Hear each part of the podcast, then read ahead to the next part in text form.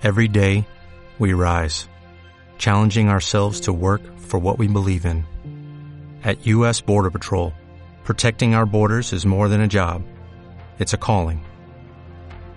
Agents answer the call, working together to keep our country and communities safe.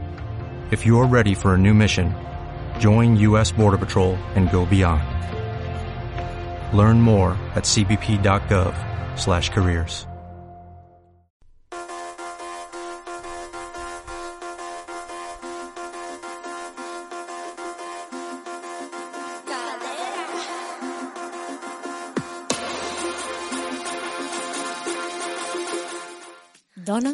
cultura. El calor del lugar me domina y tu olor me hace perder la razón. Solo quiero que vengas aquí ya y me invadas bailando esta canción.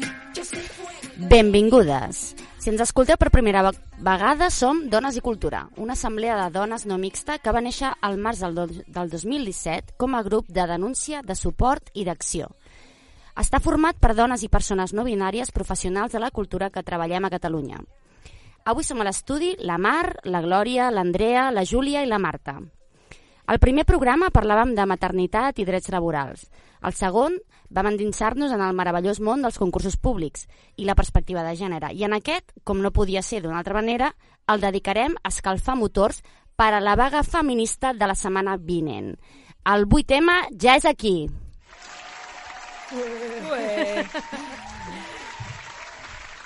Dones i cultura neix de la indignació, de la sororitat i de l'impuls creador.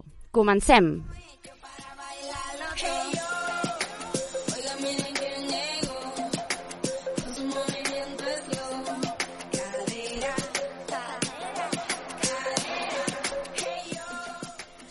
Som-hi! La vaga feminista del 8 de març està impulsada pel moviment feminista a tot l'Estat. Es tracta d'un moment de demostració de força, d'unitat i de reivindicació.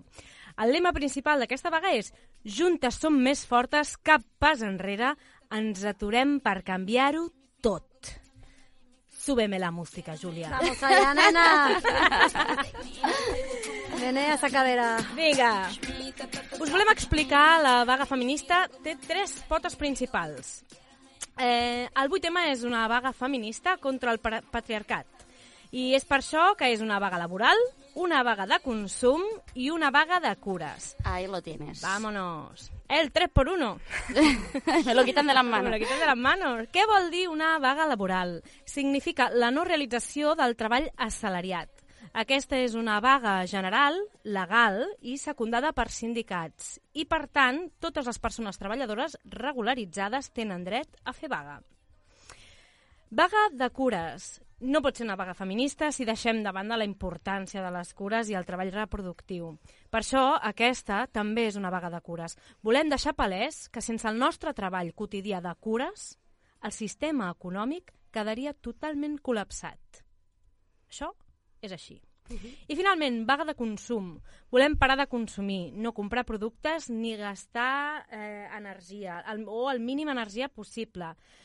Uh, lo típic, aneu el dia d'abans al súper, compreu-vos una birra... Exacte. Eh, exacte. aneu al teatre Eh, el dia abans o el dia tot, després. tot. Els museus a la setmana que ve. Mm, Tot, les calcetes rentades totes ja del dia d'abans. uh, així que aquest 8 de març, totes a fer vaga, a mobilitzar-se. Us animem que compartiu les vostres opinions del programa amb l'etiqueta Ràdio Dones i Cultura.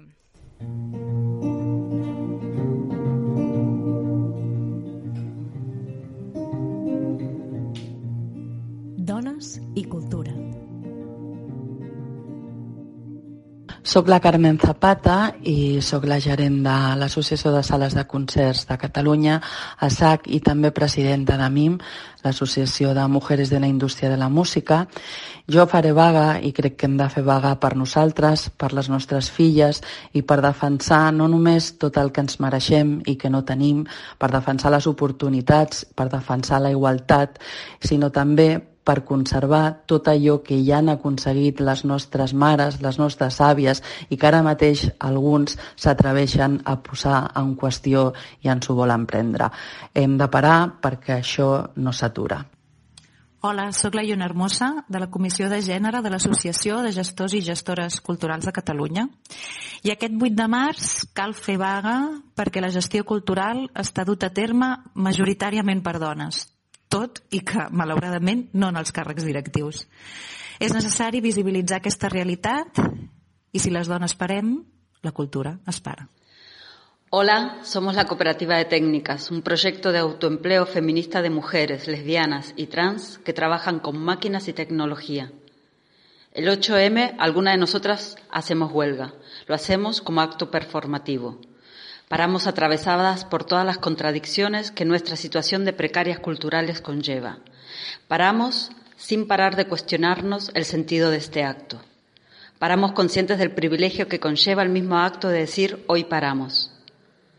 Nos vemos en las calles, compañeras, y un fuerte abrazo a las que no pueden parar ni hacer huelga, a las que tienen trabajos que no siempre son considerados como trabajo.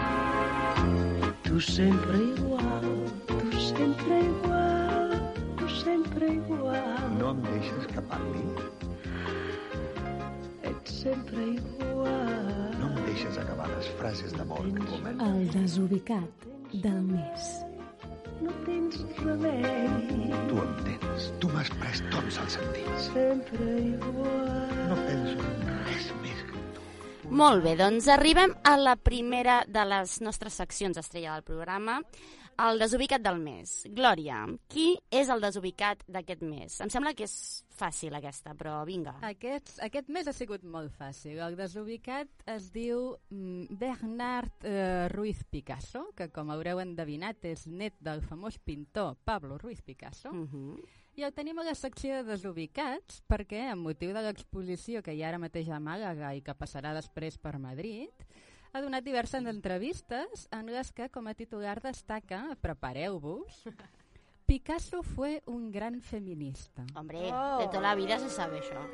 Sí, no acaba aquí, no acaba aquí.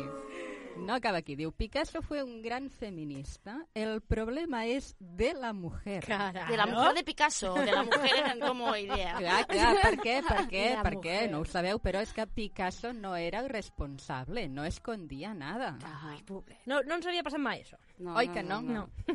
doncs mireu, l'exposició està dedicada a la primera esposa del pintor, Olga Koklova, que era una ballarina russa, i que, com us podeu imaginar, va ser demonitzada i la van acusar de, de matar el seu art, de convertir Picasso en un burgès, vaja, tot el que després farien amb Yoko Ono i tantes altres Ai, senyores de, eh, que no els hi caien bé als senyors de torn.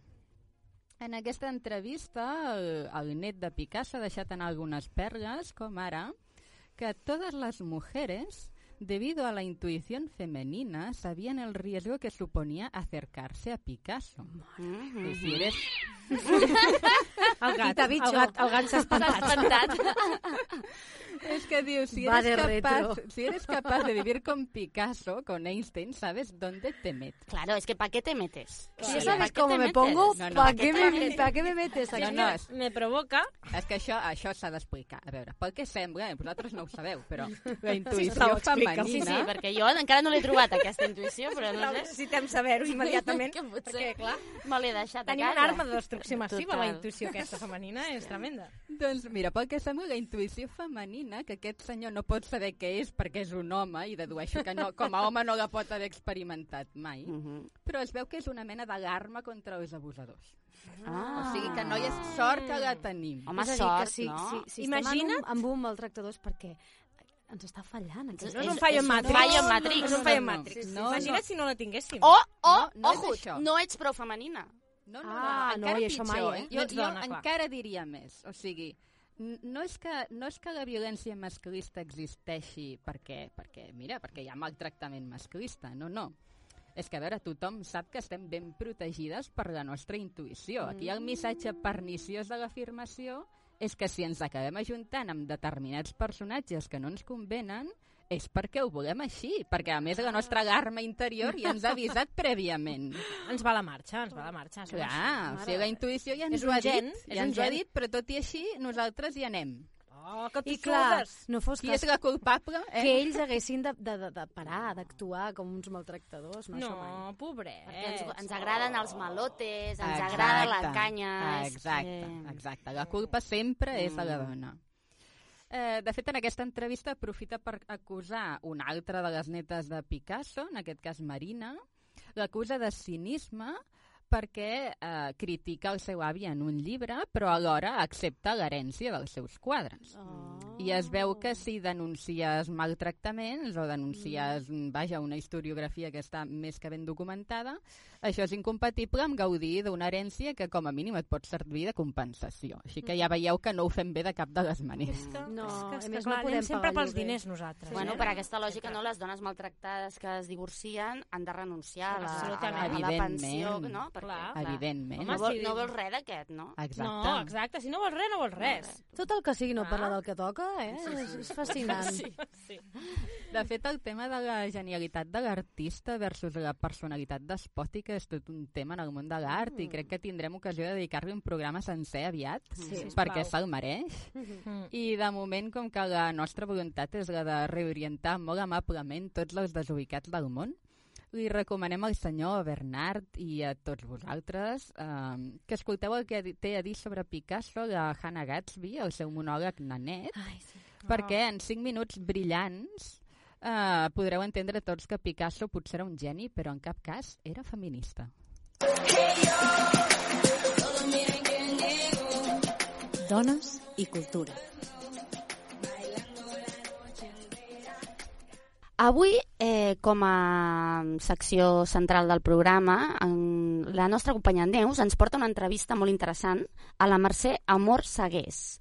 Ella és la directora de projectes eh, de diàlegs de dona, una associació del Raval que aglutina dones de Pakistan, de Bangladesh, del Marroc i de la Índia, i que per celebrar el 8 de març preparen la gran festa intercultural al CCCB. Es tracta d'un espai no mixte on dones d'orígens diversos fan activitats autogestionades arrelades a les seves cultures. Des de perruqueria, salut, balls, gastronomia... Sentim l'entrevista que ha fet la Neus. Endavant. Mira, aquesta entitat va ser fundada per la Fàtima Ahmed i per mi fa ara sis anys. Uh -huh. val? Vam néixer al gener del 2013. Veníem d'una altra entitat molt, bueno, amb, molta, amb molta incidència al barri que va haver de tancar per la qüestió de, de les crisis econòmiques i la retallada de subvencions i en aquell moment nosaltres ja estàvem treballant amb dones eh, a l'altra entitat. Va? Llavors, eh, vam fundar aquesta entitat perquè sabíem ja per la nostra pràctica diària, des de feia ja quasi 15 anys, que anaven arribant moltes dones reagrupades al barri i que mm, era una necessitat imperiosa atendre aquestes dones perquè, de fet, clar, venien de cultures tan diferents a les nostres i de països tan llunyans i tan diferents al nostre, amb codis tan diferents, que veiem que hi havia un sector femení del barri que anava creixent i que estava com molt desorientat i que, i que se'ls feia molt difícil viure aquí a la nostra ciutat. Eren dones que venien a, re, a fer reagrupacions familiars, la majoria, però no ocupaven l'espai públic. Eren dones que estaven que no ocupaven el barri, estaven mm. més en l'espai domèstic. Diàlegs de dona entenc que fa aquesta tasca una mica de que s'apropien també de, sí. de l'espai públic. Des d'on de, des ho feu, això? Sí, bueno, com tu dius, tens tota la raó. O sigui, una de les, de les qüestions més importants és que aquestes dones, clar, com et deia, com venen de cultures tan diferents, uh -huh.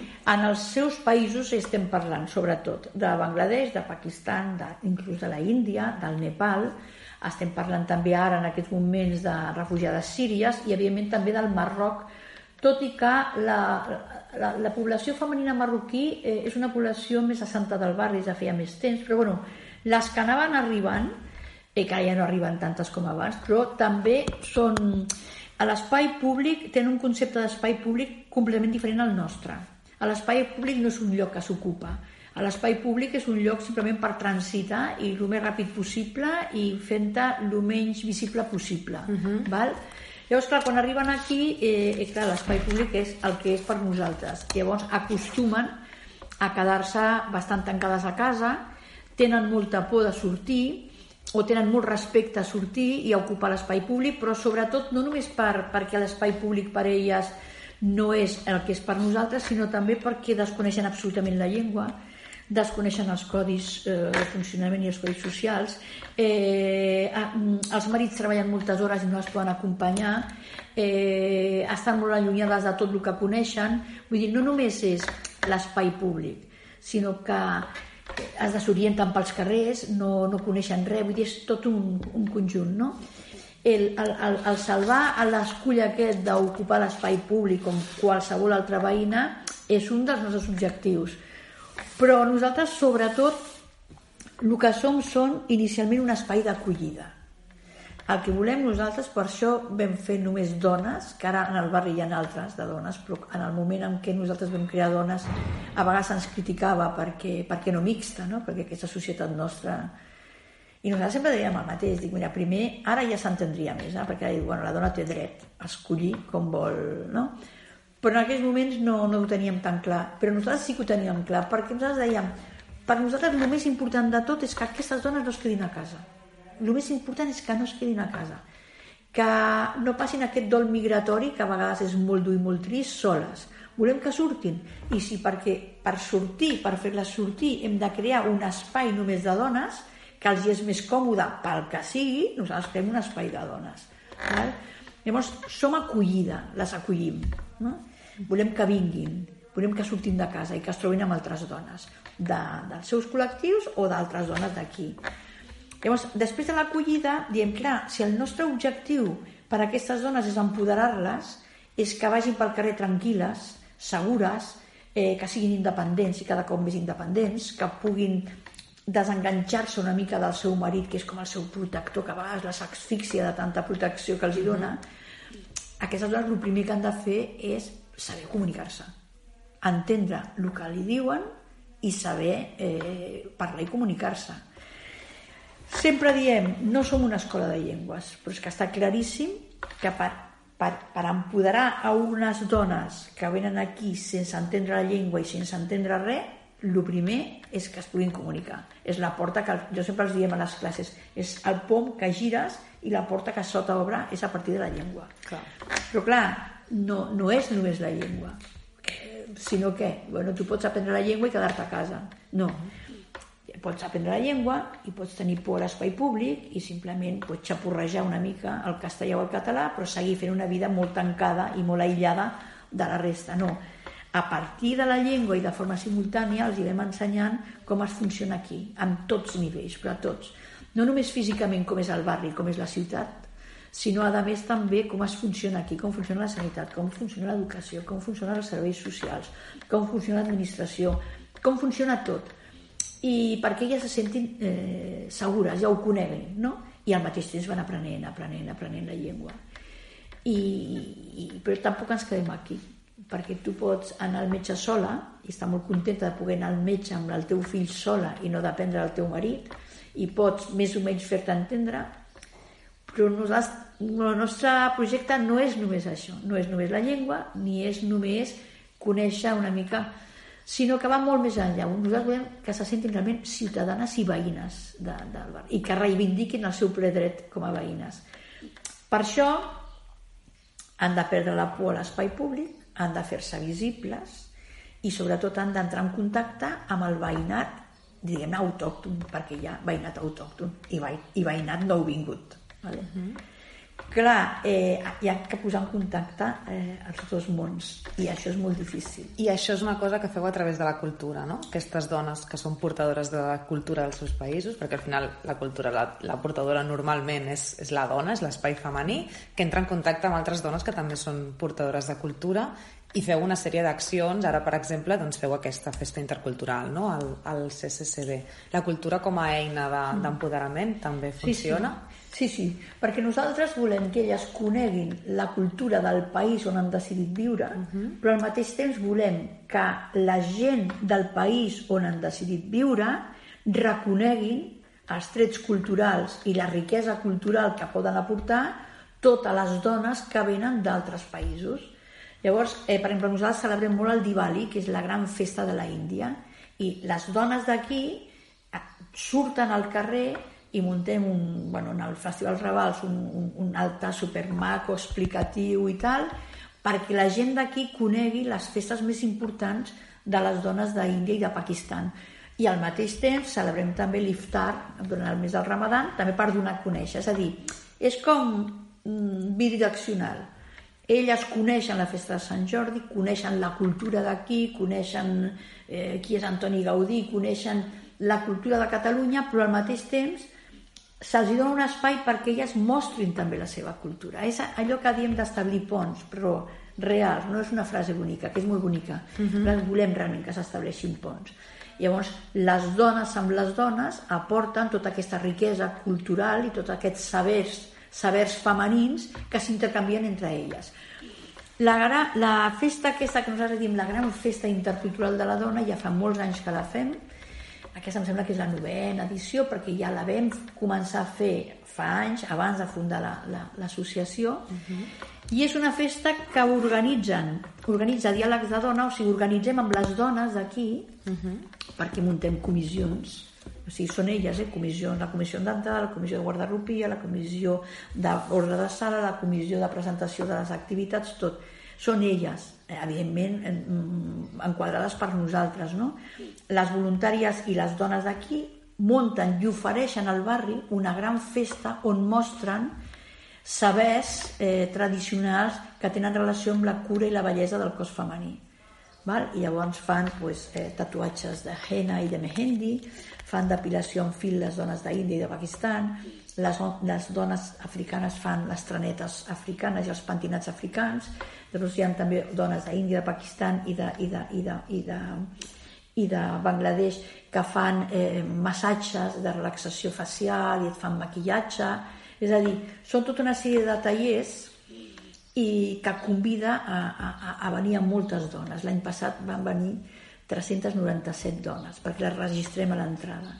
Es fa el CCCB. I és un espai no mixta? No, és un espai única i exclusivament de dones. Eh, L'any passat vam comptabilitzar 29 nacionalitats diferents, entre aquestes 397 dones, i després també eh, nosaltres formem part de la taula de la dona del Raval, i llavors la, conjuntament amb la taula de la dona de Raval nosaltres organitzem però la taula ens coordina i ens, i ens ajuda a muntar els espectacles. Intentem que siguin espectacles variats curtets perquè la festa és curta però molt intensa i realment es crea un ambient absolutament màgic entre dones de quantitat i quantitat de països, de llengües, d'aspecte i és, la dona és la protagonista. I aquesta festa intercultural que feu al, al CCCB s'entronca també amb les accions del 8 de març, clar, clar, clar. que està a punt Sí, sí, d'arribar. sí. Quines accions també pròpiament feu el 8 de març? Sí, bueno, la festa pensa que és això. La festa està enquadrada dins del mes de març. El que passa que nosaltres depenem molt de, de, de, del forat que ens dona el CCCB i llavors no podem dir el 8, perquè més el 8 ara ja està eh, no pot ser el 8, hi ha masses activitats, però forma part de les activitats. Nosaltres, des de, des de l'any passat, fem, vam fer ja la vaga general femenina i al matí vam anar a una, concentra, a una manifestació que hi havia al matí, vam anar amb un grup nombrós de dones eh, perquè les sensibilitzem molt, és a dir, una setmana abans del 8 de març a totes les aules es parla de què és el dia 8 de març i totes intervenen, parlen i expliquen, no? evidentment a, a diferents nivells de, de, segons la, la seva comprensió, no? comprensió diguem de, de, de la llengua no? i d'expressió de la seva llengua. Eh, nosaltres participem, a la, participem que enguany també a la, a la Gran Vaga, eh, ens adherim. Si hi ha manifestació al matí anirem i a la tarda també segur que anem, però a la tarda mm, és més complicat que vinguin perquè són dones que es deuen molt molt a casa seva i als seus fills i a les 7 ja estan els nens a casa però segur que aconseguim un grup també, potser no tan nombrós com l'any passat, que va ser al matí, la... al matí ja van haver-hi dos. Molt bé, doncs, bueno, una miqueta um, hem volgut fer aquesta entrevista perquè mentre preparàvem el programa ens venia una mica la, bueno, aquestes contradiccions, no? que l'any passat, a la vaga de l'any passat, van sortir eh, doncs, diferents veus dels feminismes no, no blancs no? a criticar una mica la, bueno, pues, eh, això, els privilegis de, la, de les feministes blanques europees no? en relació a, al dret de vaga, en relació uh -huh. a la representació en les manifestacions i volíem, d'alguna manera, donar visibilitat a accions vinculades al 8 de març que primer de tot ja es feien molt abans de, de, de l'any passat i de, i, de, i del moment més d'explosió del 8M com a reivindicació feminista i que estan vinculades amb la cultura, no? Una mica era la idea d'intentar visibilitzar eh, doncs, aquests, aquesta lluita feminista mm, molt menys mainstream, mm, que ven molt menys i que ens fot moltes vegades una mica una hòstia a la cara de... A veure... I que, Sí. I que porten molta feina, com deies tu, Exacte. prèvia, en la qual nosaltres ens recolzem moltes vegades eh, sense, sense fins i tot saber-ho, no? I ens pensem que ens ho hem inventat tot. Ah, exactament. Exacte. De fet, hi ha molta, molta feina, sobretot el que és eh, intentar conèixer des d'aquí altres cultures. Vull dir, són, són tasques que ha dut a terme els amics de la UNESCO, per exemple, amb tot el programa de, de coneixement i difusió de, de les cultures. Però jo sí que és veritat que trobo molt a faltar la presència sobre escenaris i el teatre, els concerts, la, la dansa, de, tot el, de tots aquests, eh, aquestes dones eh, que no són blanques um, i que sabem que hi són, sabem que existeixen, sabem que viuen, viuen a prop, però que en cap moment les veiem sobre els escenaris i aquí sí que crec que és on hi ha principalment la, la, la feina a fer.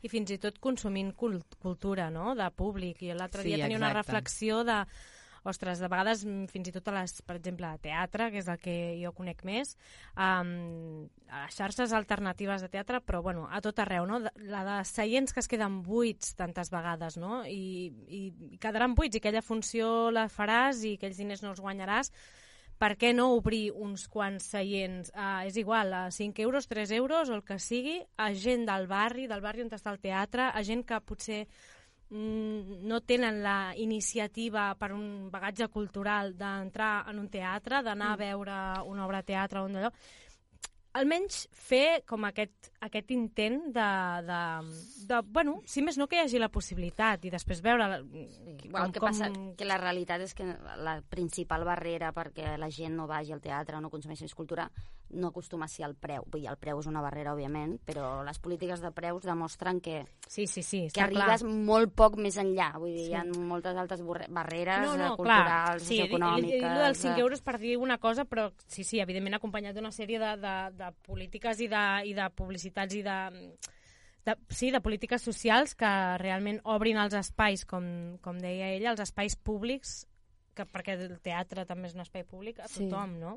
Sí, som, sé. jo també el que veig és que hi ha moltes coses del feminisme que, que s'han après del feminisme negre i de- Mhm. d'altres feministes racialitzats i que molts cops ens ho adjudiquem, no? el que dèiem, Exacte. com si fóssim les úniques teòriques que han existit, les úniques persones que, que són de carrer, de, de lluita, de... no tenim una imatge molt de la feminista, molt de la sufragista blanca, que, i dius, home, no, ha existit un gran moviment i, i això, moltíssimes de les coses, dels grans avanços els hi devem a elles, precisament, no?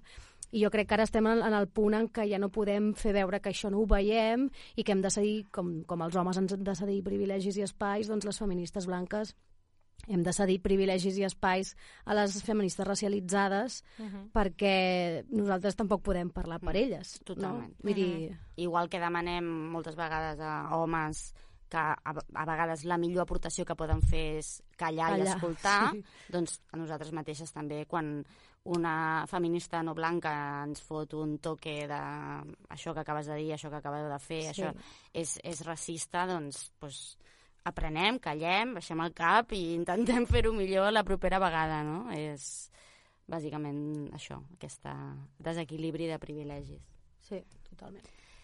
Eh, bueno, a- s'ha de dir, per acabar una miqueta amb aquest tema, que en aquesta, a l'assemblea de la vaga feminista d'aquest any, ja, com l'any passat va haver bastanta crítica amb, amb aquest tema no? dels privilegis dels, de les feministes blanques, aquest any hi ha una comissió superpotent que ha fet un manifest propi molt potent, la comissió de, de, de migrades, po- postcolonialisme, em sembla que es diu, bueno, així, i, i que aquest any tindran, crec que van primeres a la, a la, en el bloc no mixta, aniran les dones racialitzades Fantàstic, abans. Les dones racialitzades i trans aniran abans que les dones blanques. Això és molt bo cis. perquè, de fet, un dels grans problemes és la visibilitat. O sigui, ho tenim en Mhm. el feminisme en general, però dintre de, de tots els feminismes hi ha justament el, el racialitzat i, Mm. i de fet, eh, nosaltres sabem doncs, que hi ha actrius negres, que hi ha eh, ballarines sud-africanes, sud-americanes, que hi ha, hi ha tot un món per descobrir, però no els veiem mai a dalt dels escenaris i això mm. també hauria de ser una feina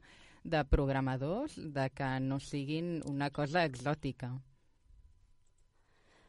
Ah, bueno, i amb això, per acabar també, vaig acabant amb coses. Uh, no sé si l'altre programa ho vam, dir, ho vam comentar o no, però uh, s'ha creat un col·lectiu, per qui est ens estigui escoltant, que potser interessa, s'ha creat un col·lectiu que es diu Tinta Negra, que mm. està format per actors i actrius mm -hmm. i dramaturgs i dramaturgues eh, no blancs, que viuen a Catalunya, que treballen a Catalunya, i bueno, que estan creixent, que estan fent molta feina i que mm, estaran encantats de, de que s'hi sumi qualsevol persona que es dediqui al món d'actoratge, direcció, etc i que no sigui blanc.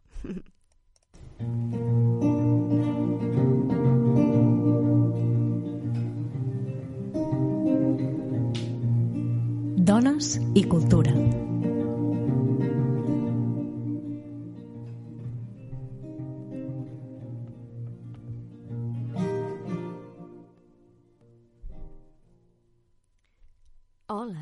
Marta. Hola, Júlia. Què estàs? tal? Molt bé. Avui em fa molta il·lusió presentar la cançó. És com divertit, no? És xulo, xulo. Estem esperant aquí per ballar una mica. Exacte. Eh, que per cert, el 8 de març es pot ballar molt, eh? Jo vaig ballar molt Oh, l'any tant. passat. Oh, i tant. Sí, Bueno, jo vaig, vaig acabar morta de cansament i si no es- afònica i, bueno... És que si no es pot ballar no és la nostra revolució. Totalment, això ho hem dit. ens ho tatuarem un dia. doncs mireu, el moment musical del programa avui. Volem compartir amb vosaltres un tema de tremenda jauria. Molt bé.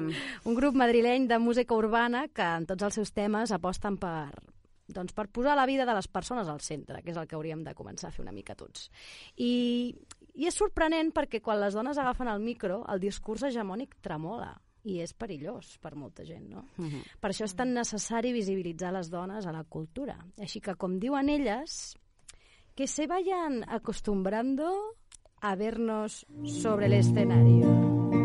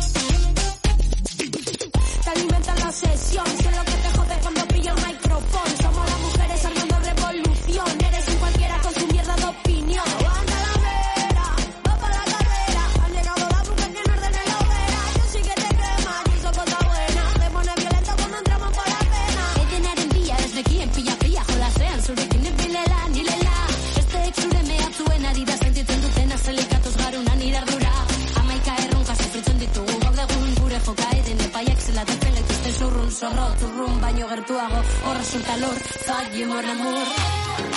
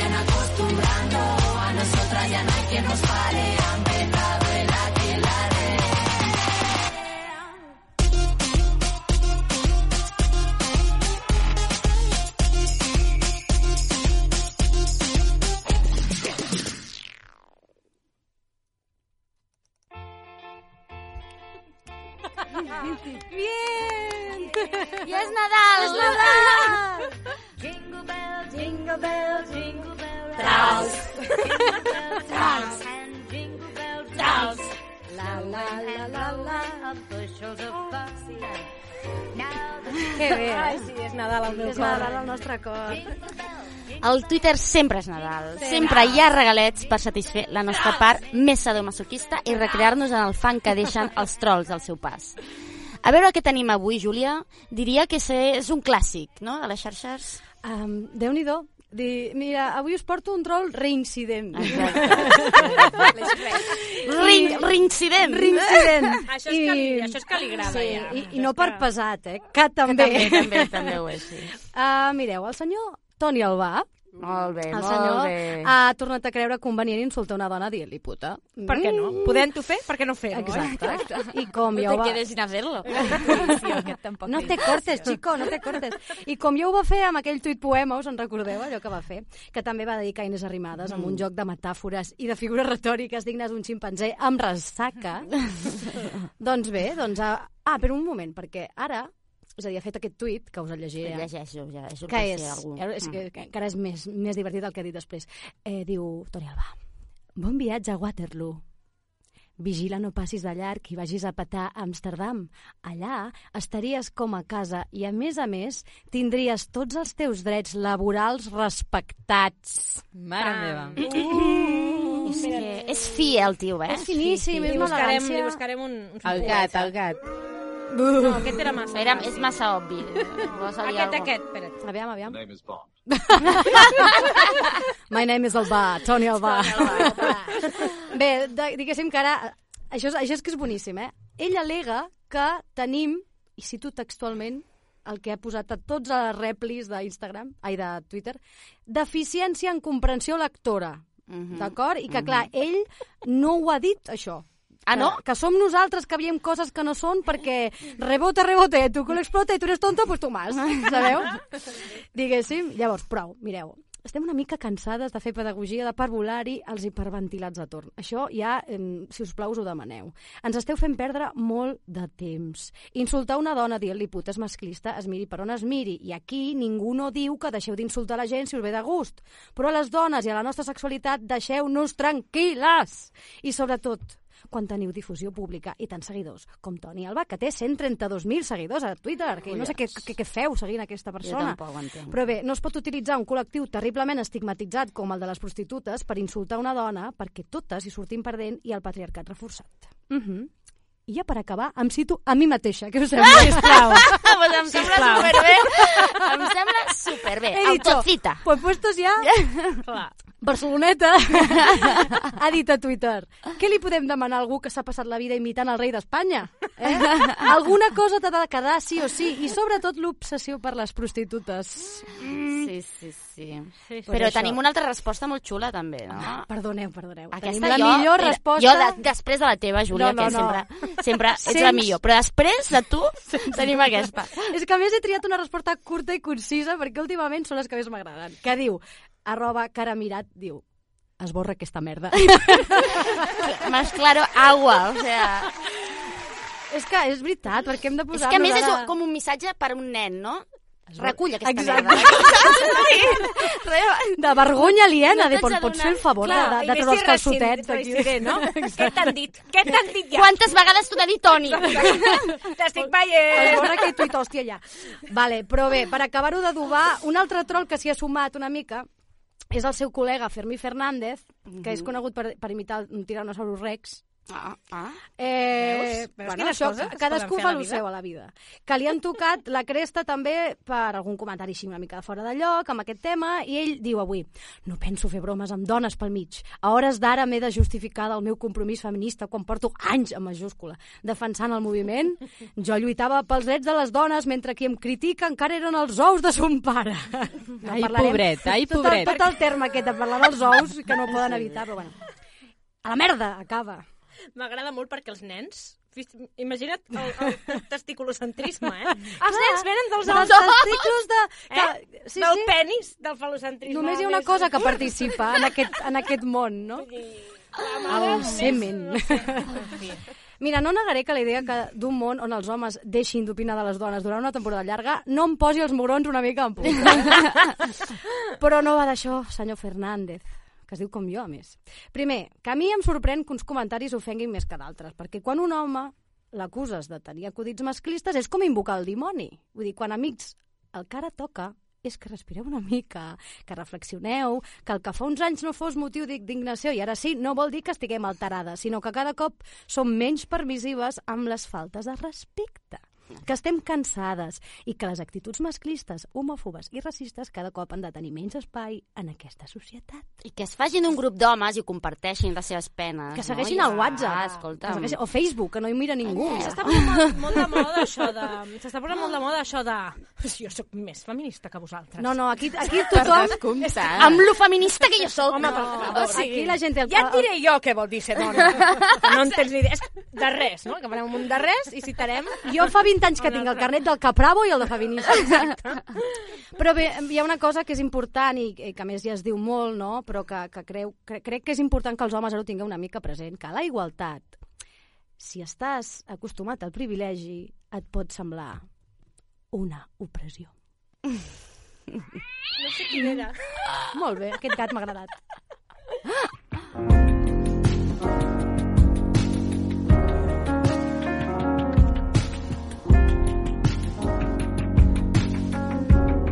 El moment reparador. Referents culturals femenins.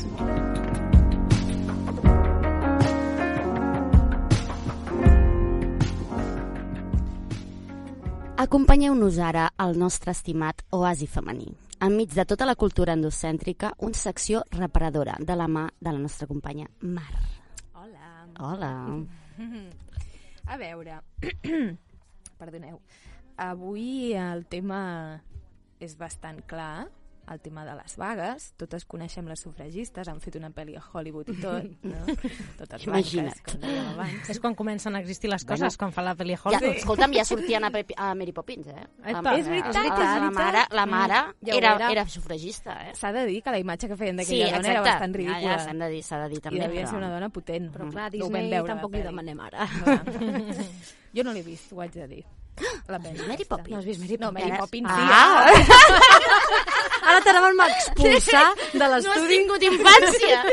Què et passa? No, no he vist la pel·li de les sufragistes. No, no m'ha vingut a gust. Ah, no En qualsevol cas, um, vaig estar fent una mica de recerca.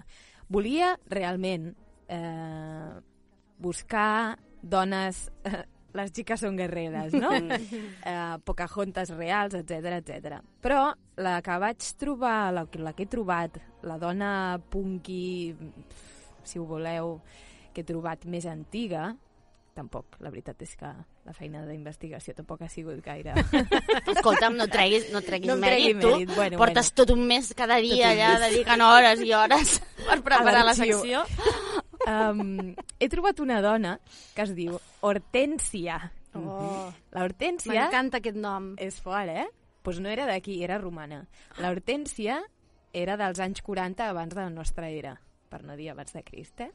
Però que, bueno, que al final jo ho tinc apuntat així. Ah, bé!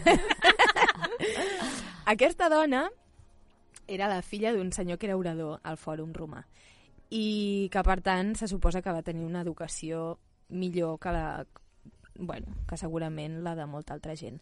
El cas és que després de que morís sospitosament Juli César, uh -huh. tots Sí. sabem, no? Sí, sí, sí. Um, el govern va decidir um, engreixar les arques de la- de l'imperi inventant-se un nou impost que només haurien de pagar les dones. Ui. Mira tu. Bravo. No, la veritat és que, bueno, són d'aquestes bueno, són d'aquestes coses estúpides. És com el, el- com l'IVA aquest de luxe de... Dels tampons. Dels tampacs. Sí, Pues sí. mira, va començar a. Grècia. Sí. Va com- no, a Roma, A a Roma. A Roma. A Roma, perdó, Sí, perdó. La Estava escoltant, eh, la juro. Andrea? Juro per abans de Crist. El cas és que aquesta dona es va plantar allà al fòrum i com que se suposa que era una gran comunicadora, la primera periodista de la història, no ho sabem, um, va estar queixant-se uns quants dies fins que aquest nou impost es va reduir i només un número molt petit de dones, no tinc les dades però no, no hi són, en la, al Google L'IDESCAT no són. estava encara, no funcionava. El Wikipedia no va tan enllà. El cas és que aquesta dona va aconseguir, mitjançant la seva oratòria, el Fòrum Romà, etc, que no tantes dones haguessin de pagar aquest impost horrible. Tirant una mica més endavant en el temps, això jo crec que algunes potser sí que els hi sona, arribem al segle XIV, això és el 1300, després del nacimiento de Jesucristo. Nuestro, nuestro senyor. Nostre senyor. que comença la querella de les dones, altrament dit, la querelle des femmes o alguna així. Ah, oh la la. O en italià Bon dia. també ho podríem dir, o el que vulguem. El cas és que això, eh, aquesta querella de les dones va ser un debat que es va començar mm, a coure, sobretot en l'àmbit literari, hem de pensar, tots es pensem, oh, a l'època mitjana, a l'edat mitjana, les dones no escrivien. Això és mentida, perquè hi havia moltes monges que sabien escriure i que tenien els medis per fer-ho, i és dins d'aquest um, cercle que apareix una dona que es deia Cristina de Pisan, que és més o menys famosa, més o menys, jo, jo crec que és famosa, però segurament no ho és. Com a mínim per algunes Per feministes. algunes sí que ho és, no? Que va escriure un llibre que una, una profe meva li deia una ginecotopia, atenció, ja. que és una utopia femenina i feminista, és maco això, eh? Mhm. que es deia La ciutat de les dames. És preciós, us recomano que ho busqueu a Wikipedia, hi ha totes les il·lustracions, és molt maco. Aquesta dona, evidentment, era una feminista punky de l'època, tot i que ens pensem que no existien, i arrel d'aquesta querella, de tot el que va escriure Cristín de Pisan i totes les seves contemporànies, al segle XIX va, re, es va reprendre tot aquest fil i es va inaugurar una mica la Woman Question, sobretot a, a Nord-Amèrica, o sigui, això engloba Canadà i els Estats Units, Anglaterra i a Rússia. I arrel de- arrel d'aquesta Woman Question surten les sufragistes. Molt bé. Mm. Cal dir bueno, surten, a veure, això Surten. també ho he resumit Apareixen. molt, eh? Apareixen una mica... Mm, sí, es pot dir que s'alimenten de tot això. Aquestes dones de la Woman Question, que sobretot, doncs mira, són com la mare dels nens de la Mary Poppins, una mica, que, que de fet estan a Londres, no? A la Mary Poppins Mm, està a Sí, Londres. sí. Com no l'has Um, vista, doncs no. Sí. Clar. la Mrs. Banks. Um, aquestes dones el que reclamaven eren, evidentment, el sufragi femení, l'autonomia sobre el propi cos, que això vol dir els drets reproductius, els drets de propietat sobre un cos, que vol dir um, tot el tema de la prostitució, matrimoni i un llarguíssim, etc que encara avui ens barallem. Al 1850-ish, que dirien en anglès, es comença a escardar la societat victoriana. Abans, um, ara no sé qui ho ha dit, però crec que ha sigut la... Perdó, que estic quedant fatal, però la dona de l'entrevista La parlava de- Mercè, la Mercè Amor. La Mercè Amor, gràcies. Amorós. Amor, amor. Amor. Són fatals. um, T'estimem, també Mercè. estàvem escoltant. Us ho jurem. Aquestes, de- aquesta dona i la Neus parlaven de l'espai públic. És molt interessant i això qui li interessi que ho, ho busqui més o llegeixi la, el meu treball de fi de carrera, que ja el penjaré. Epa! Epa! Molt bé, doncs escolta, sí, eh? No, és molt avorrit. El cas és que el 1850 i abans, quan comencen a sortir les fàbriques, totes les dones que vivien a les zones rurals se'n van a les ciutats. Què passa quan passa això? Que les dones comencen a anar a comprar als grans mercats, comencen a aparèixer en un espai públic que abans no existia. I es creen les grans metròpolis. Quan es creen les grans metròpolis, els, do, els homes es tornen una mica lockers. Mm. Per què? Què passa?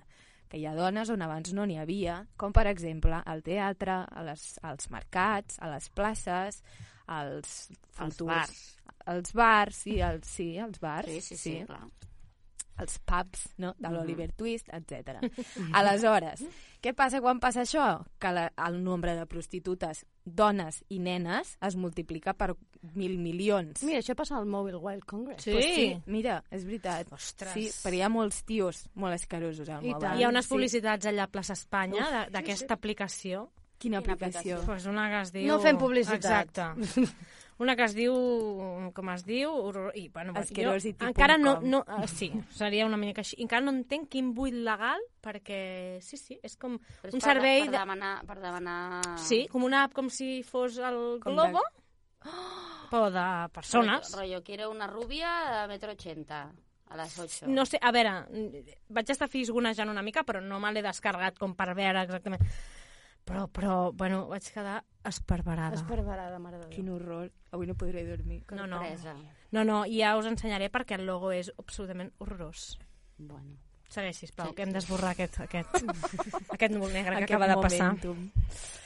El cas és que um, arran de tota aquesta, um, diríem, um, ara no em surt la paraula, moviment, invasió no? Mhm. no? de l'espai fins aleshores masculí, Mhm. hi ha moltes dones que ja venien de lluny, com jo us estic explicant Mm. avui, sobretot les més famoses i torno, famoses per mi, potser per ningú més, són la Mary Wollstonecraft, filla de la, la filla de la Mhm. qual és l'escriptora de Frankenstein, no? I moltes altres que van començar a reivindicar la seva capacitat intel·lectual, eh, física, eh, etc. Aleshores, arrel de tot això, després de que encar encarça, encarça, empresonessin, perdó, després de que empresonessin milers de dones sufragistes etc, i un llarguíssim, etc, el 1913, veieu que hem anat 1900 i pico anys en el futur, s'estableix el 8 de març com a Dia Internacional de la Dona Treballadora. Les primeres en celebrar aquest dia com a Dia de la Dona Treballadora, i això és un tema també tam, bueno, que també se'n podria fer un programa a part, van ser les manufactureres textils de Nova York. Això de, a mi, quan vaig llegir això, em va recordar molt a les dones de Bangladesh. Sí. Mm. Nosaltres, Sí, sí. jo Sí. intento, i em costa molt, no portar roba feta al que nosaltres diem tercer món, no? Mhm. Aleshores, com- això hi ha moltes dones, això és una altra onada també, que és superinteressant. Hi ha moltes dones que tenen claríssim que ser feminista i no, i no tenir en compte um, aquest buit que hi ha l'explotació. en el nostre consum diari de roba, sobretot, és, bueno, és, és I una en, vergonya, I en un no? món tremendament capitalista, Sí, les sí. opcions de consum Clar, són clar. poderosíssimes. Clar, Bueno, clar. començant per no haver de, de... O sigui, hi ha intercanvi, hi ha segona mà, hi ha... Sí, sí, sí. No, I només el fet que socials. bastanta gent s'assumi a no comprar determinades coses fabricades sí. sota l'esclavatge, això pot moure muntanyes. I tant, i tant. Però sobretot tenir en compte que aquest esclavatge és majoritàriament Femení. femení, Femení. i infantil. Infantil. Mm. Exacte. I femení infantil, Infantil. no? Totes dues coses. I, bueno, això quan abans parlàvem també de- d'aquesta associació del Raval i, bueno, això que veieu que el 8 de març prové d'una cosa similar, no? Aquestes dones que treballaven a les fàbriques tèxtils de Nova York, el 1857 es van manifestar per tenir unes jornades més curtes i tenir uns millors sous, que ens podem imaginar què volia dir, eh? un millor sou. Al cap d'uns pocs anys, al març del 1908, les condicions eren les mateixes i 15.000 dones es van reunir per reclamar millores. Al cap de 3 anys hi va haver un incendi a Nova York en una fàbrica tèxtil, que això em va recordar molt quan ho vaig llegir, el derrumbe que- de la Rana Sí. Plaza de, Sí. d'allà de Bangladesh. És exactament el mateix. No ha passat res des d'aleshores, la gent segueix comprant I tant. la mateixa merda de roba i, i fent ric els, els zares, mangos, etc. En tot cas, en aquest incendi van morir 123 dones um, i dos anys més tard es va decidir en una convenció convertir aquest dia en el Dia Internacional de la Dona Treballadora. I d'aquí ve la nostra celebració. És una mica trist, però Mm. mm. bueno, al final eh, com un fe som com un fènix, no? Una Mm. ave fènix. Um, dit això, jo volia citar-vos, parlant de la Wollstonecraft i de la seva filla, la Mary Shelley, una cita, i aquí ja callaré després, que avui m'estic enrotllant un muntó, um, una cita d'ella que diu que trobo que és adequada. No desitjo que les dones tinguin poder sobre els homes, sinó sobre elles mateixes. Que bé. Bravo. I aquí ho deixo.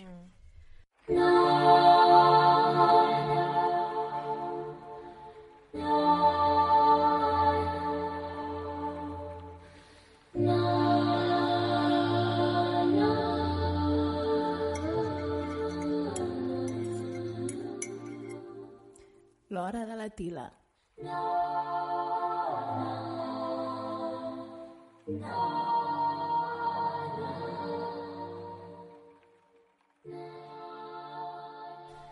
Espero que hagueu agafat forces després del moment reparador de, de la Mar, tot i que bueno, hi havia una part una mica durilla, o sigui que moltes forces tampoc hem agafat, però ara ens hem de posar encara en un mode més zen per aguantar la realitat que ens envolta. Andrea, avui qui hem d'agra- a qui hem d'agrair la tila?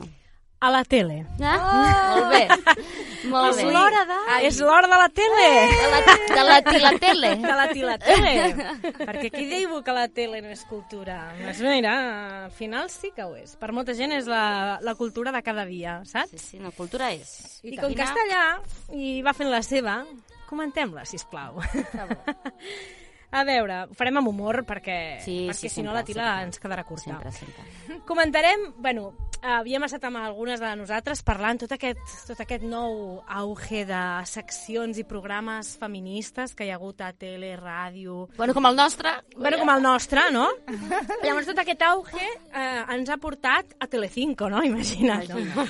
Aquí, aquí entraríem en el debat que potser entrarem un dia o potser més tard de um, feminisme real o purple washing, és el que s'està fent, no? Perquè, clar, Defineix, defineix purple washing. Purple washing, bueno, vol dir aquest rentat de cara que es fa de cares en fora, de cara a la societat, eh, perquè veient que hi ha una crisi, que hi ha una, una onada de feminisme real al carrer, doncs, bueno, me subo al carro y entonces hago ver que yo también estoy muy implicado con la causa.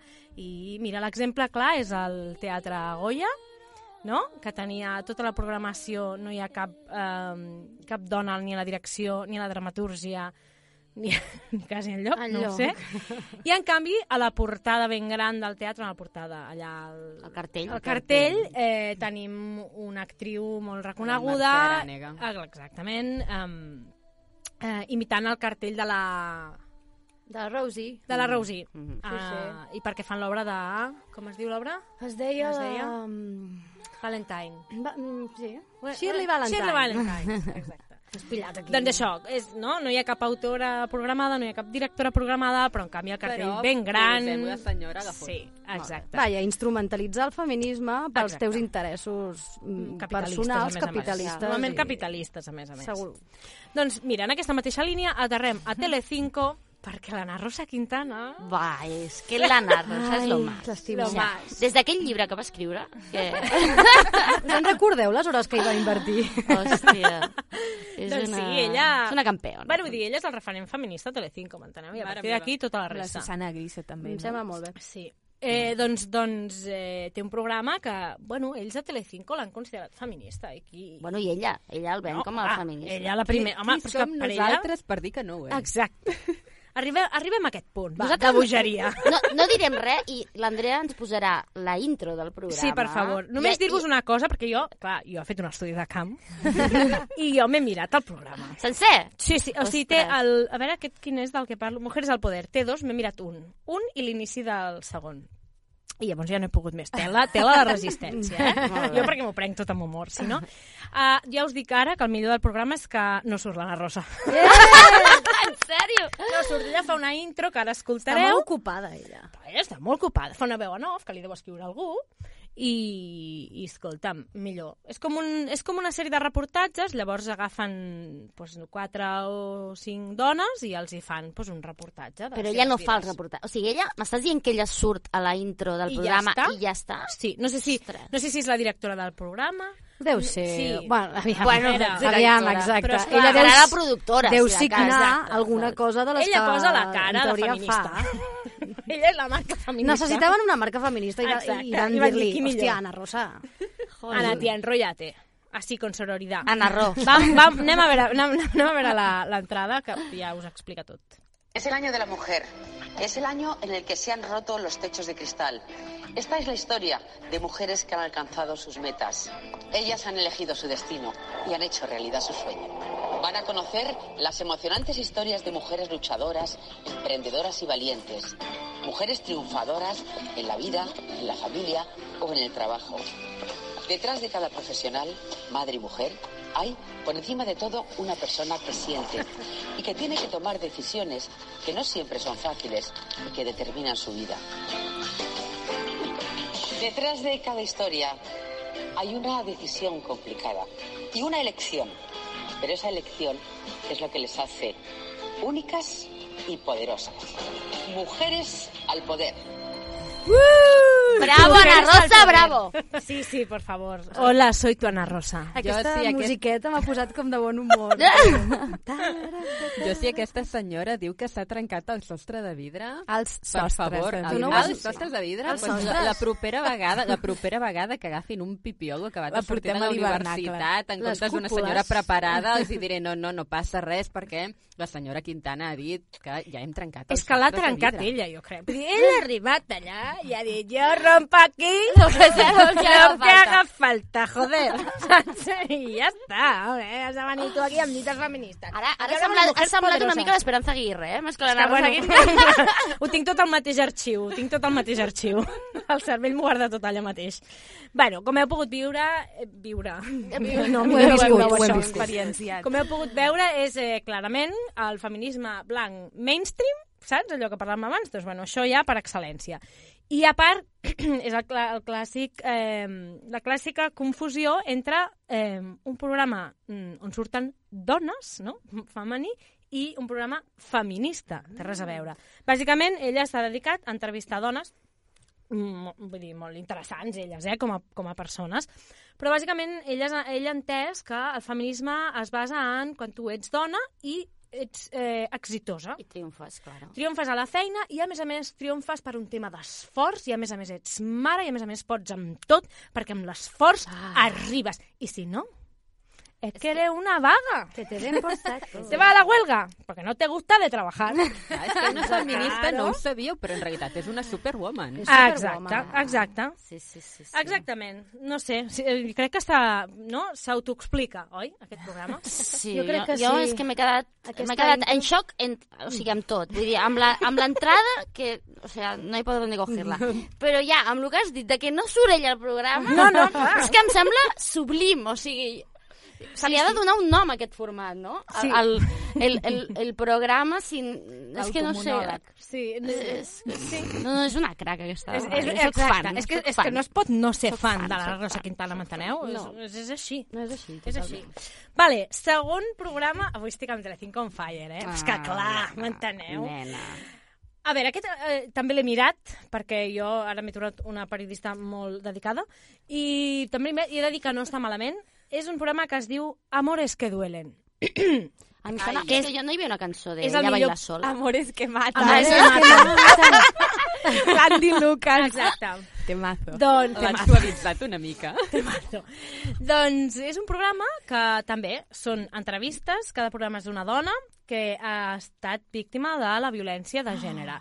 Llavors, clar, jo l'he vist i realment no està gens malament, el programa en si, li fan l'entrevista a la persona, hi ha una psicòloga experta en violència de gènere i realment s'analitzen tots els factors que fan que es puguin arribar a certes situacions, com preveure, eh, donen dades i estadístiques i, i com també preveure la joventut i que, que s'està veient de tendència a la joventut. Llavors, en aquest sentit està molt bé, però, esclar, m'entens que tu no li pots posar un programa de maltractaments, de violència de gènere, amores que duelen? No. ¿Qué amor es este, cariño? No. A ver, hijo mío de mi vida, no sé, llámale abuso de poder que duele, abuso de poder que mata, no sé. Patriarcado violento, Patri- no sé, muchas cosas. Exacte, amores, no fill meu... Que, No, saps? malament, malament. Aquest romanticisme... Clar. Esto sí que mata. Això sí que mata. Clar, ta, és veritat que no, no utilitzen termes com el mite de l'amor romàntic, que estaria molt bé, però sí que és veritat que l'expliquen sense utilitzar aquest terme. Llavors, en el contingut no m'hi posaria tant, però clar, qui, ha- qui ha sigut el desubicat, El desubicat de l'any de- del que li ha posat aquest títol? Sí. Masters of Naming. Clar, exacte. Vale, va, que estoy, que estoy en fire. Nos vamos a mujeres y hombres y viceversa. Uau. Jo pensava que en aquest programa Mujeres, mai tractaríem hombres o i mujeres, hombres i viceversa. Doncs però mira, ha arribat el, ha arribat sí. el moment. I et dic una cosa, porten 10 anys, vale? 10? El dia que nosaltres portem 10 anys...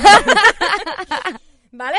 A- Ens trauran O ells sigui- a nosaltres a la tele. O sigui, respect, no? A, a Respect. mujeres, hombres i viceversa. Vale, vale. Eh, aquesta meravella de programa que respon a la dictadura de l'estètica més normativa, la superficialitat i la frivolitat, i tot això per trobar l'amor. Claro que sí, guapi. que Y luego después, cuando acabas este, te vas a Amores que duelen. y si te salvas, a lo mejor eres mujeres, al poder. Venga, que nos vamos. que surtis de Telecinco. Però, però bueno, després de 10 anys, que eh, se dice pronto, ells han decidit que és moment de modernitzar-se, ¿no? I entrar una mica al segle XXI, i llavors han dit que, que, que, que quieren hacer también un casting para homosexuales, gays y lesbianas, pero que ellos también tienen derecho a encontrar el amor. A casarse ya podríamos discutirlo, ¿no? Allá el matrimonio podríamos establecer una serie de dudas razonables, però a veure, que encuentre el amor, eh? Després de 10 anys, Però mai, mai, mai s'havia donat aquest, aquest, Mai, aquesta mai, casuística. Mai, mai, mai. Per què? Però si no representa en absolut el que passa a la vida real, això, no? Ja, Quines ganes però- de posar allà aquells viciosos a la pantalla... Però pas que haurien de No canviar el sé. nom, el nom ja no els hi quadra. Clar. Llavors, Clar, clar, és, és, un tema, és que a el Telecinco els noms veieu, veieu com van. eh? Mujeres, mujeres, hombres, hombres y viceversa, de Viceversa. mujeres y... Clar, es, es lien. Todo lo contrario. doncs, bueno, a- ara us, res, molt ràpid, us llegeixo porque ellos buscan tronista. Se busca tronista homosexual. Atención al casting, esto es verídico. Para las mujeres buscan una chica joven, femenina, clara, con carácter y guapa. Por no decir no queremos camionera, ¿me entiendes lo que te Exacto. quiero decir? Jackpot. Es como, a ver, te vamos a dejar entrar en el programa. Pero, chica... mm, Arréglate un poquito. Mica maja. que no se note. Que no se note que eres bollera, perquè si no, molt. fatal. Això de Clara m'encanta. Clara, Vull dir, Clara. És a dir, que, que si eres oscura...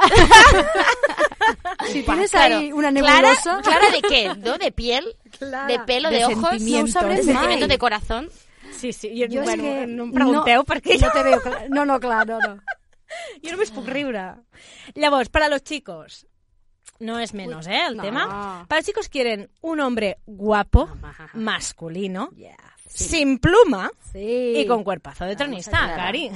Molt bé, eh? Aquesta plumofòbia La fantàstica. pluma te la dejas en casa, Sí. ¿vale, maricón? Queremos Venga. hombres, hombres. Si los hombres tienen alguna cosita que recuerde a la mujer, no nos gusta. No nos gusta. Fora. Clar. Bueno, però me, me molestaria més que sí que buscaran ho, ho, homes amb, amb pluma, no? Perquè encara seria com reforçar més la Però és que- imatge... Home, però que, que vagin com, com bonament vulguin. Clar, no? no, o sigui, partint de la base que el rotllo de- de- de- d'establir de, aquestes, no? aquests trets per buscar persones, Bueno, que em sembla sí, fatal. tant una cosa Però com l'altra. Sí, clar. Sí, que sí, no, que sí, no, sí. que la plomofòbia és molt lletja, a més, els, tot el col·lectiu LGTBI s'hi queixa molt. Això de que hagis de comportar-te d'una manera o d'una altra. I a més a més, Això. i a més a més la plomofòbia està també, fins i tot eh, s'ha escolat i ha trobat les seves escletxes dintre del col·lectiu LGTBI. Bueno, clar, totalment. És tremendo, això. Sí, sí, sí, sí. sí.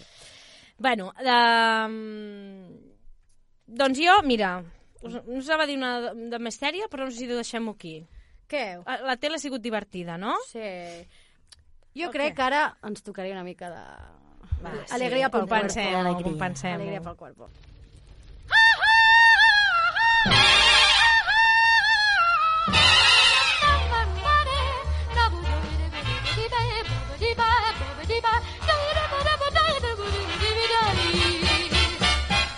Satisfyer Pro.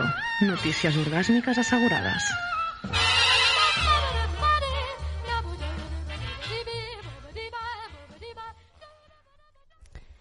I per acabar aquest tercer programa, la secció que no ho sabíeu, però totes estàveu esperant. El Satisfyer Pro.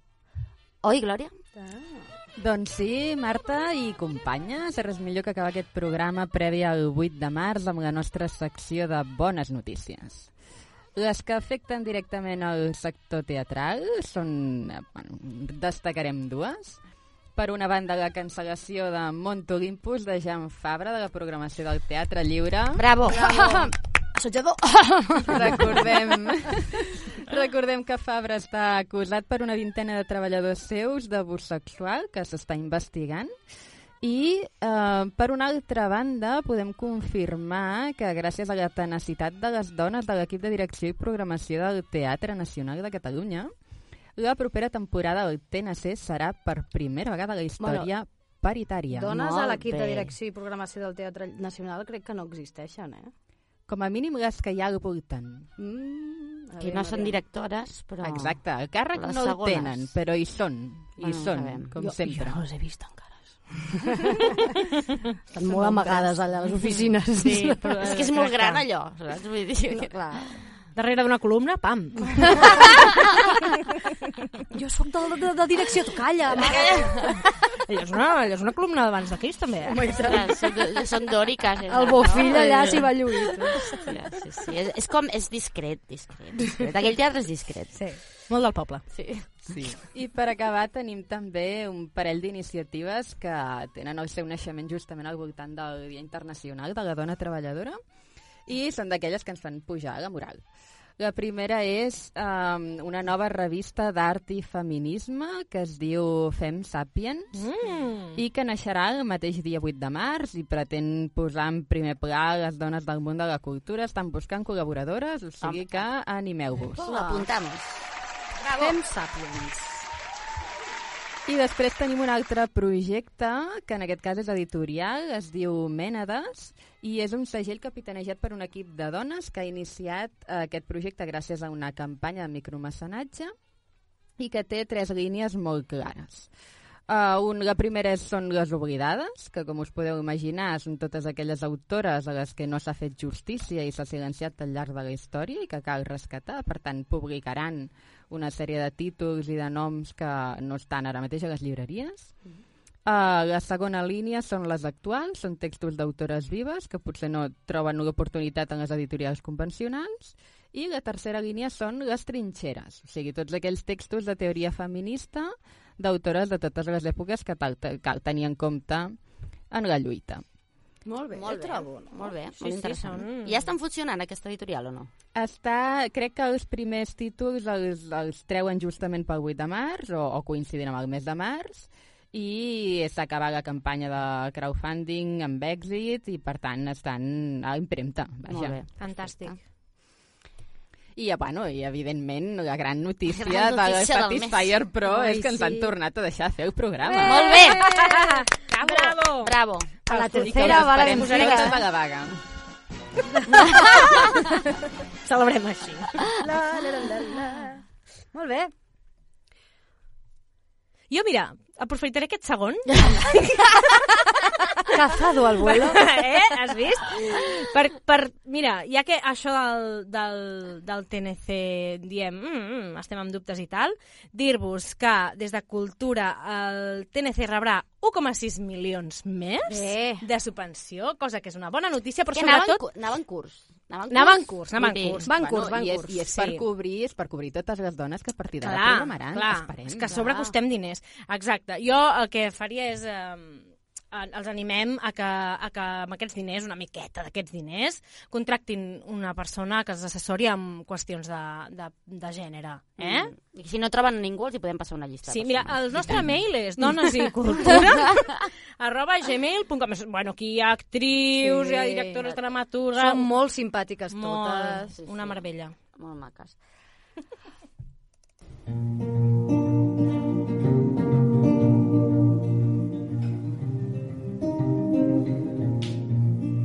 Dones i cultura.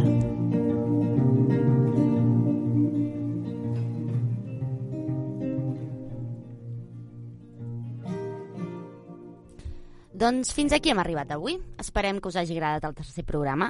En farem més i millor. Recordeu que aquest és un espai per a totes. Ens podeu fer arribar els vostres, les vostres peticions i comentaris a les xarxes socials, a Facebook, a Twitter o a l'etiqueta Ràdio Dones i Cultura. I recuperar el programa que vulgueu mitjançant el podcast al web de Ràdio Fabra. Per tota la informació referida a la vaga, podeu consultar el web vagafeminista.cat. I ens veiem el 8M a Plaça Espanya per prendre els carrers i per parar el món. Si vols sumar-te a Dones i Cultura Alemany, estarem al blog No Mixta amb una pancarta pròpia. Una abraçada i fins la propera. Adéu. Adéu. Fins al 8 de març.